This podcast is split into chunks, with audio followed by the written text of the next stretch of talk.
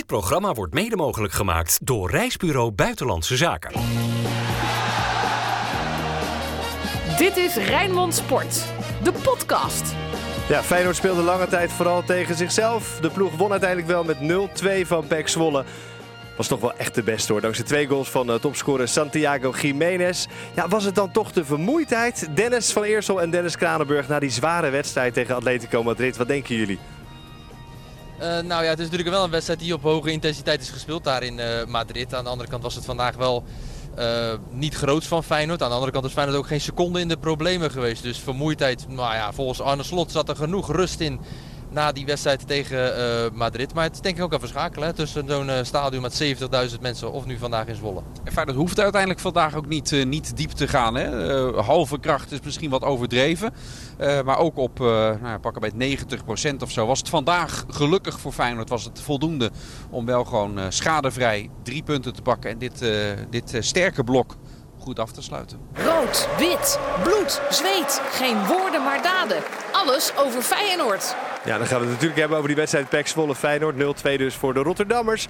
Uh, maar voor het zover is, mogen jullie van mij eerst even losgaan over de faciliteiten in Zwolle. Uh, want daar zou je het over hebben, Dennis van Eersel. Uh, steek van wal, zou ik zeggen. Was het echt wat dramatisch? Het, nou, ik vond het betaald voetbal onwaardig. Hoe, je, hoe, hoe het daar ingericht uh, is. Uh, en ik was niet de enige journalist die het daarover had. Er was eigenlijk gewoon geen perstribune. Je had, al, je had alleen maar stoelen. Uh, en sommige collega's moesten zelfs staand verslag doen, heel de wedstrijd lang. Ja, dat, dat, dan kun je bijna niet fatsoenlijk je werk doen. Maar je hebt ook schrijvende journalisten. Hè? Je, dan zit je met je klapblok op je ene knie en je pen in de andere hand. Ja, ja. Ik vind dat heel erg zeker omdat Zwolle, die lopen al wat jaartjes mee. Ook behoorlijk wat jaren in de Eredivisie gehad. En toen was het allemaal wel goed voor elkaar. Dus uh, die hebben daar ook een renovatie gehad van, van die tribune. Ja. Maar dan wel een, een downgrade. Een downgrade, dus, uh, ja. Denk, dat is heel, uh, ja. Ze hebben het daar, daar niet goed voor elkaar. Nee, behalve die stadionspeaker. Op divisieniveau is het beter. Behalve die stadionspeaker. Die had er zin in geloof ik, hè? Dennis ja. Kranenburg. Ja, die stadionspeaker, en dat vind ik zo, dat fascineert me sowieso wel. Dat die gasten denken van, ja, ik mag eens in de twee weken in een stadion plaatjes draaien en misschien eens wat roepen als uh, speaker zijnde. Ja, dat het dan altijd zo hard moet. Dat je echt bij jezelf denkt, ja. ja, dat is echt niet nodig. Je zit bijna met je hoofd in die speakers op zo'n tribune. ja. Dus, uh, en wat wel grappig is trouwens, wat Dennis heeft het over die uh, tafels die er dus niet waren. Ik was daar in het begin van het seizoen ook met, met Sparta. En het gekke was toen dat er werd gezegd van ja, die stoel, die, alles is besteld, maar het duurt allemaal wat langer. Maar ik weet niet hoe lang het dan duurt. Terwijl hier achter ons de bus rijdt, Dennis, met de, de punten bij Feyenoord in de tas. We worden ingehaald door de Feyenoordbus nu. Nou, Lekker, dat is man. toch leuk. Ja. Hey jongens, we hadden het er al over. Die eerste helft was eigenlijk niet om aan te zien. Zo traag, zo flegmatiek. Ja, het, het was een lange zit voor jullie, die eerste helft. Ja, en ook voor iedereen denk ik in het stadion. Het was ook hartstikke, hartstikke stil in, uh, in, in Zwolle. Omdat iedereen een beetje in slaap gesust werd uh, erdoor. Dus uh, nee, dat was echt niet wat we gewend zijn ook van Feyenoord. Maar ja, ook ondanks dat komt Feyenoord dan wel weer op voorsprong. Een heel gek doelpunt met, met Jiménez die er dan wel voor bleef gaan. Maar die bal die nog opstuit. En de keeper die, wat zei ik in het verhaal, die als een madammeke erin, ja, de, ja. erin kwam natuurlijk. Daar profiteert hij dan optimaal van. Uh, uh, dus ja, daar, weet je, Feyenoord kwam ermee weg. En in het verleden hebben we dit ook wel eens gezien. Zo'n lappekakkerig Feyenoord. Maar dan was het meteen ook vaak, uh, vaak puntenverlies. Of bracht het zichzelf echt in de problemen. En dat moet ik dan wel zeggen vandaag. Dat als je kijkt wat Feyenoord heeft weggegeven. wat dat betreft zat de boel wel goed dicht. Dus ja. nou, in de energie. Het is wel een beetje ingewikkeld, radio slash podcast maken met hindernissen, zullen we maar zeggen, door wat technische uitdagingen. We zijn weer terug volgens mij. Uh, je zei als laatste, Dennis, het publiek accepteert, uh, die accepteert het wel dat er een keer wat minder mooi gewonnen wordt, vrij vertaald. Ja, dat denk ik wel. Dat uh, het uh, Feyenoord publiek, uh, als het dan een keertje zo is en Feyenoord haalt dan uiteindelijk wel de punten binnen. Met wat voor moois Feyenoord dit seizoen, maar ook de vorige seizoen heeft laten zien. Uh, is mijn inschatting, hoe ik de Feyenoord supporters en degene in mijn omgeving ken, ja, dat daar helemaal niet zo zwaar aan getild wordt. Dat dan een keertje uh, ogenschijnlijk ook met wat minder inzet is. Weet je, de buiten is uiteindelijk gewoon binnen. We hebben midweeks ook gehoord, toen Feyenoord wel goed voor de dag kwam, waren er genoeg mensen die de vinger op staken en zeiden ja, maar het gaat uiteindelijk om het resultaat. Dus uh, nou, dat, uh, dat argument grijp ik dan vandaag uh, maar aan. Ja, wat, ook wel, wat, ja, wat ook wel meespeelt daarin, hè, wat ik daar aan toe wil voegen, is dat vroeger Feyenoord door de week zo'n topprestatie leverde op, op hoog niveau. Hè. En dan de wedstrijd dan daarna tegen bijvoorbeeld Pek Zwolle, waarin er dan bijvoorbeeld niet werd gewonnen. En daar ook zie je de stappen wel in die uh, gezet zijn onder Arne Slot. Omdat ik wel vind dat ook al heb je een zware wedstrijd gespeeld in en tegen, uh, of in Madrid tegen Atletico. Dat je dan nu zo'n wedstrijd vandaag niet geweldig speelt. Maar je wel eigenlijk al ziet tijdens zo'n wedstrijd van, van het is zoveel stappen beter. Dat je gewoon wel weet van deze wedstrijd wordt wel over de streep getrokken. Ja, zo is het ook. En uh, Pek Zwolle was ook lange tijd een angstgegner hè, van 2012 tot 2017. Dus wat dat betreft gaat het helemaal goed. de bek niet open. Nou, ja, ja, precies. Ja, of het nou de eerste wedstrijd was van het seizoen of de laatste wedstrijd oh, uh, van het seizoen. Of dat Feyenoord ja. nou voorkwam of, uh, of niet. Het ging keer op keer ging het, daar, ja. uh, ging het daar mis. Het was het Waterloo van Fred Rutte bijvoorbeeld. Hè? Zelfs in de laatste competitiewedstrijd ooit. Uh, ja. Daar, Feyenoord heeft geen fijne herinneringen aan Zwolle. Maar dat, vanaf het moment dat ze daar de kunstgrasmat hebben vervangen... is Feyenoord daar weer gaan presteren. Ja, en aan de hand van Robin van Persie was dat hè, in 2018. Ja, toen kwam het allemaal was, goed. maar toen goed. kwam het allemaal goed, ja. ik hoop dat het ook weer goed komt met Minte. ja, vorige week was hij man of the match. Ik denk, nou, het gaat helemaal goed komen. Hij is natuurlijk nog wel jong, hè, maar vandaag speelde hij toch een partij dramatisch. Heel eerlijk ja. gezegd. Hoe verklaar je dat?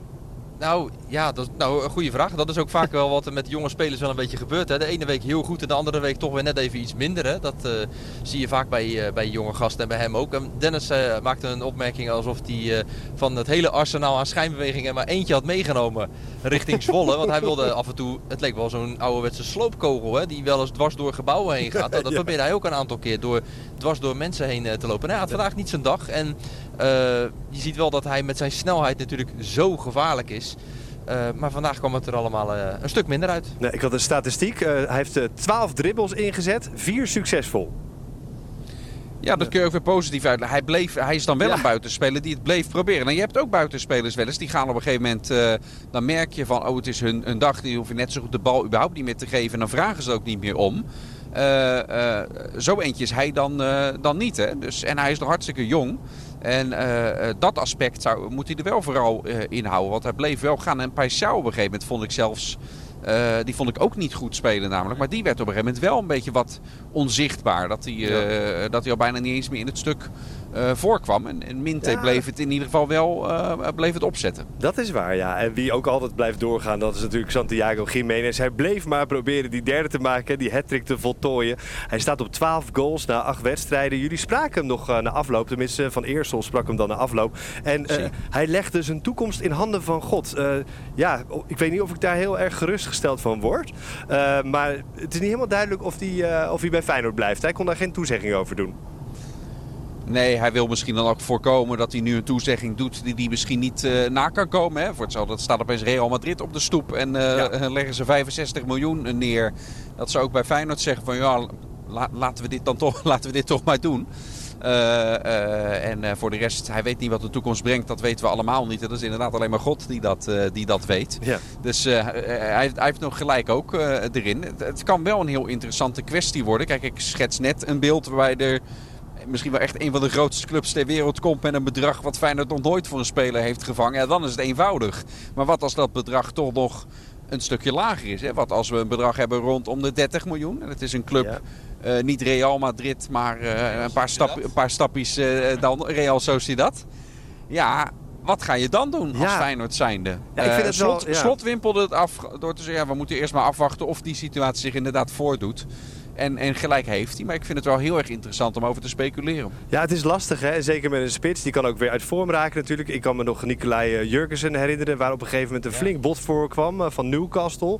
Uh, dat toen geweigerd werd door Feyenoord. Ja, en dan heb je toch een beetje pech. Toch? Ja. Ja, ja, ja, zo is het. Ja, dat is ook een beetje een gokken. Want Feyenoord kan ook dadelijk zeggen... stel dat het bot nou net niet is dat Feyenoord denkt... we gaan dit doen.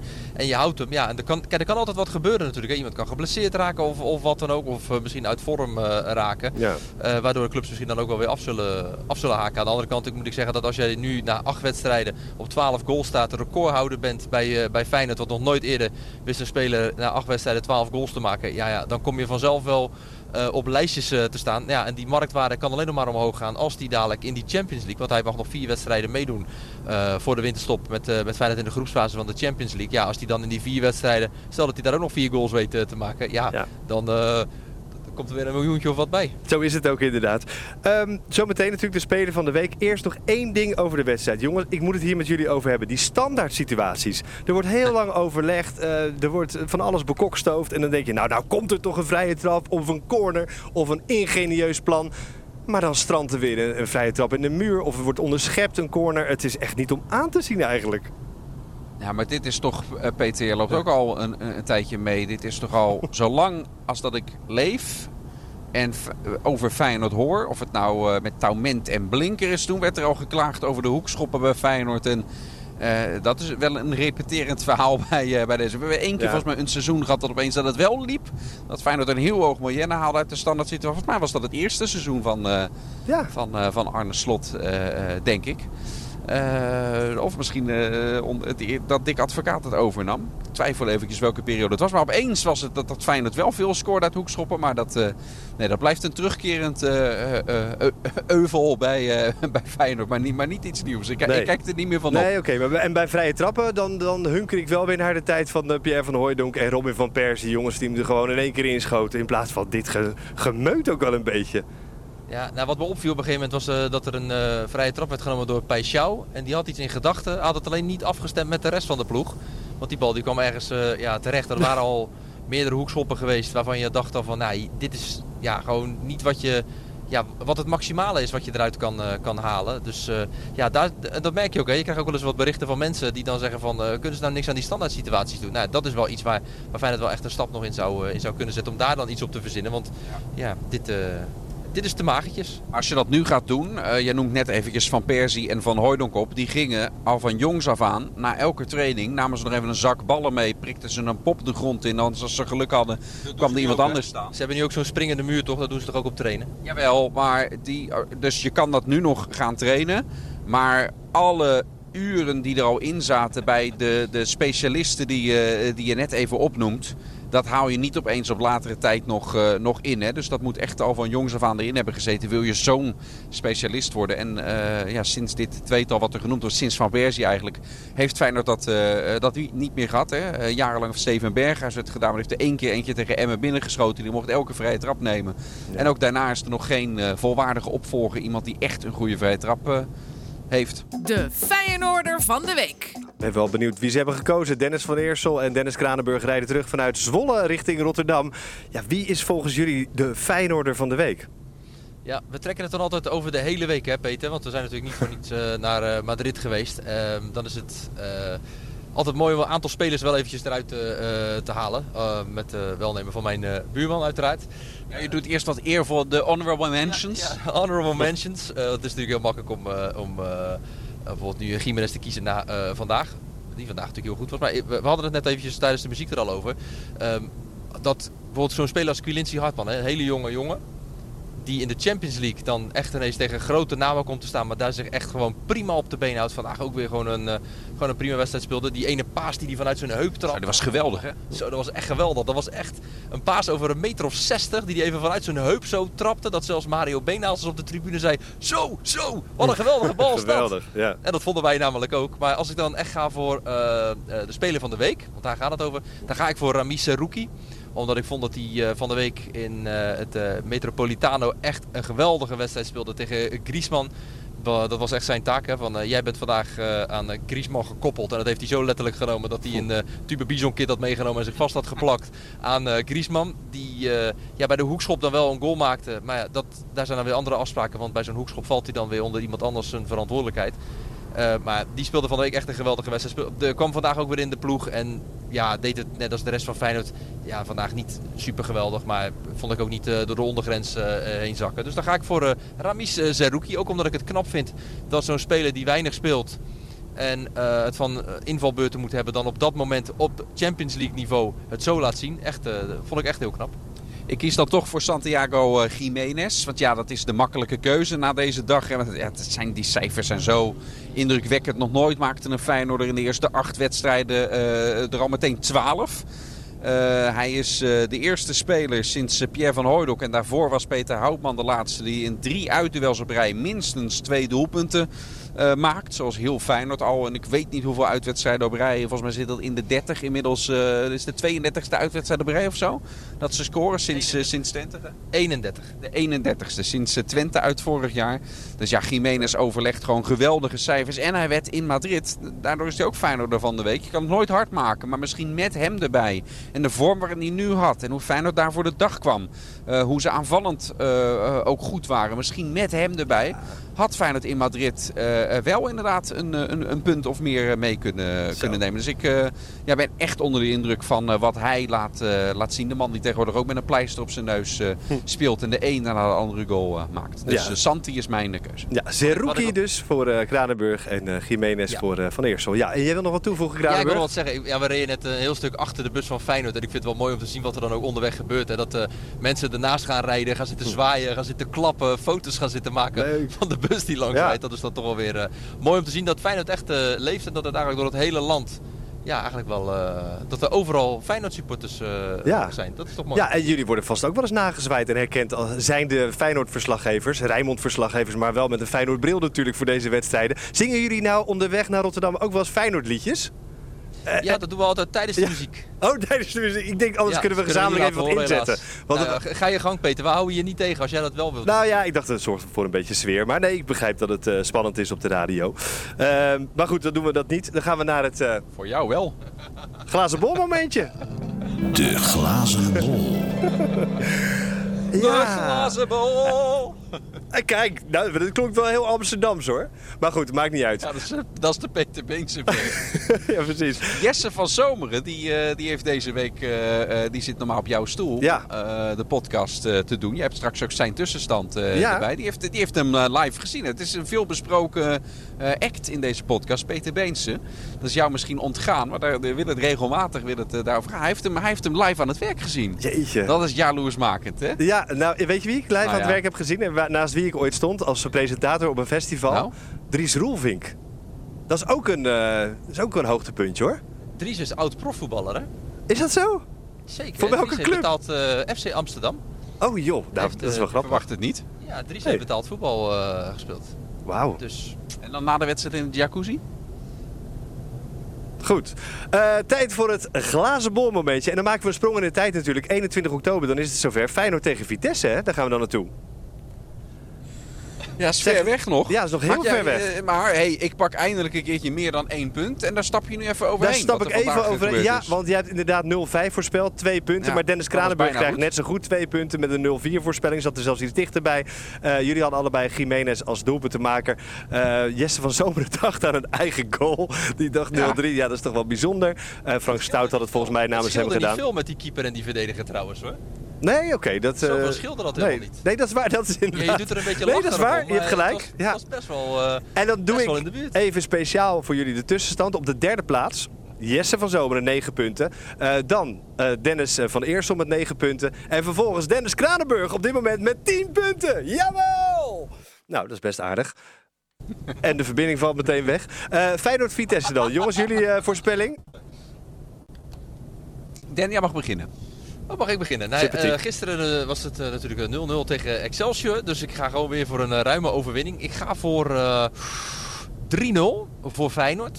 En de eerste goal die wordt niet gemaakt door Santiago Jiménez. Want die, komt, die heeft een jetlag. Die heeft een jetlag en komt vlak daarvoor pas terug weer vanuit Amerika geloof ik. Waar die oefenwedstrijden van Mexico weer worden gespeeld. Dus dan ga ik voor... ah, jammer dat we dat niet hebben kunnen... een keertje voor ja, die ja. horen je weer. Ja. Hallo? Ja, we horen je weer. Ja, ja. Dus, uh, we rijden bij uh, Strand Nulde. Het is niet dat we op de maan zitten of zo, maar... Uh, nee, maar de verbinding was even weg. Qua verbinding. Ja, nee, um, ik zeg dus 3-0. En de eerste goal wordt gemaakt door Igor Paixão. Oeh, kijk, leuk. En Dennis van Eerst tot nou, slot? Genoteerd. Ik zeg uh, 2-0. Jij moet zo meteen zelf ook nog, hè? Ja, ja, ja voor, zeker. Voor de score van ja. uh, de, de, presentator. Dat is waar. Uh, 2-0 zeg ik. En de eerste goal van Feyenoord wordt gemaakt door Kelvin Stenks. Oh, wat leuk. Ja, nou dan zeg ik, uh, dan hoop ik uh, Jesse van Zomeren punten te bezorgen. Dan zeg ik namelijk 4-0 en dan wel Jiménez. ja. 4-0? Ja, 4-0. En Jiménez. Het is Vitesse, hè? Ja. best te doen dit ja, maar seizoen. het is wel... eh Feyenoord-Vitesse is de laatste twee seizoenen... eh heeft Feyenoord die niet... eh, sterker nog, twee keer verloren, hè? Ja, maar De laatste speelronde vorig jaar. En eh, in het eerste seizoen van Slot, toen, dat was de eerste wedstrijd dat we door coronamaatregelen opeens weer geen eh, publiek hadden. Toen, eh, toen ging die ook verloren. Was dat de eerste na de winterstop toen? In ieder geval de eerste dat je weer maatregelen had. Dus eh Ach, Slot ja. zal erop gebrand zijn om dit eh varkentje, dit Arnhemse varkentje, is, eh, is te wassen.